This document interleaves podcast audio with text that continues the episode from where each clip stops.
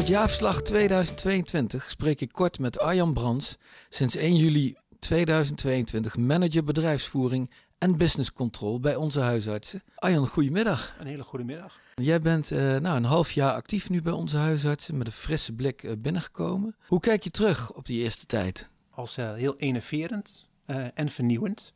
Ik kom vanuit de eerste lijnzorg, tenminste indirect verbonden.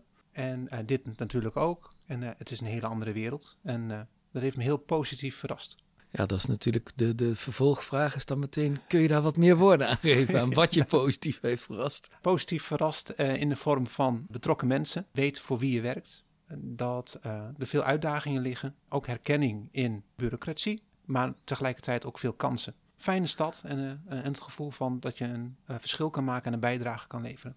En wat is na die eerste maanden jouw, jouw beeld van de organisatie? Dat het een, een voor mijn gevoel een, een kleine bedrijf is, die wel groot denkt. Dat we met verschillende afdelingen, leesbedrijven, een compleet plaatje leveren aan de eerste lijnzorg. Dat uh, de mensen betrokken zijn en dat het gemeenschappelijke doel ook het ontlasten is van de huisarts. Meer tijd voor de patiënt staat uh, overal centraal. Eerder al, alleen nu heeft het een letterlijke betekenis gekregen. Ja. En dat zie je overal terug. Dus uh, de, de groepskracht van de mensen, de betrokkenheid om het te doen, merk je gelijk als je binnenkomt en de gang hierop komt uh, lopen. De neuzen staan dezelfde kant op. En wat, wat zie jij nou voor jezelf als, als jouw voornaamste taak? De neuzen staan al dezelfde kant op, maar om daar nog meer resultaten uit te gaan halen. Mijn voornaamste taak in eerste instantie zal zijn om de interne organisatie stabieler neer te zetten, zodat we met een gezond fundament naar buiten kunnen. En dan bij buiten kunnen bedoel ik het ondersteunen van de praktijken en de huisarts.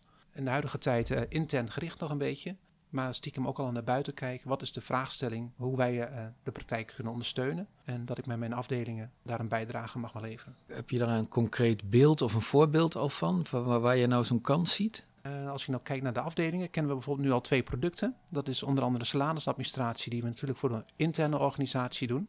Maar daarnaast verzorgen we ook de salarisadministratie voor uh, praktijken. En dat is groeiende. Dus het doel is dat ook om het door te laten groeien. Het verlicht de werkomstandigheden op de praktijken. Maar daarnaast zijn we binnen de salarisadministratie ook aan het kijken... kunnen we dan ook een breder pakket neerleggen. Dat we ook meer de diepte in kunnen, dus dat we nog meer kunnen ontlasten. Daarnaast leveren we ook juridisch advies op arbeids, de arbeidsrechtelijke markt, zeg maar. Ja. Dus dat doen we vanuit onze personeelszaken. En we zijn nu bijvoorbeeld aan het kijken, we horen veel dingen terug over een personeelshandboek. Uh, dat er behoefte is aan bij de praktijken. Die zijn we op dit moment aan het ontwikkelen om te gaan kijken van kunnen we daar de praktijken ook mee ondersteunen. En dat we in de regio ook een meer uniformiteit uitstralen.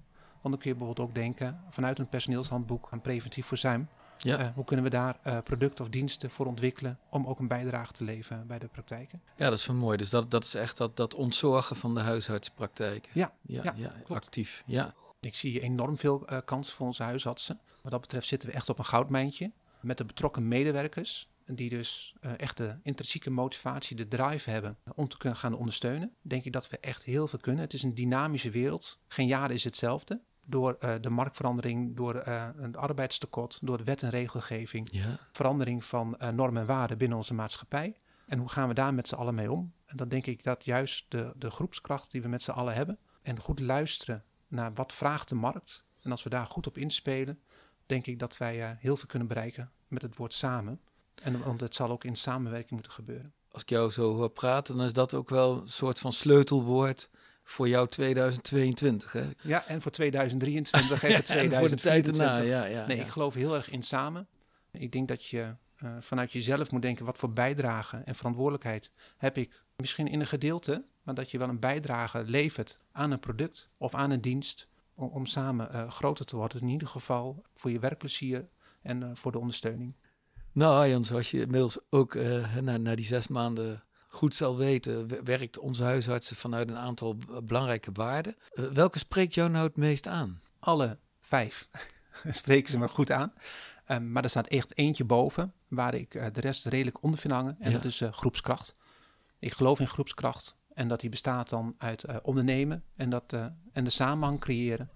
en natuurlijk moet je vakbekwaam zijn Ja, en zorgzaam zijn. Maar dat is al een drive, zoals ik net vermeldde. ja, Maar dat mengt zich in groepskracht. ja. En als we dat kunnen richten, uh, dan wordt het een hele mooie toekomst.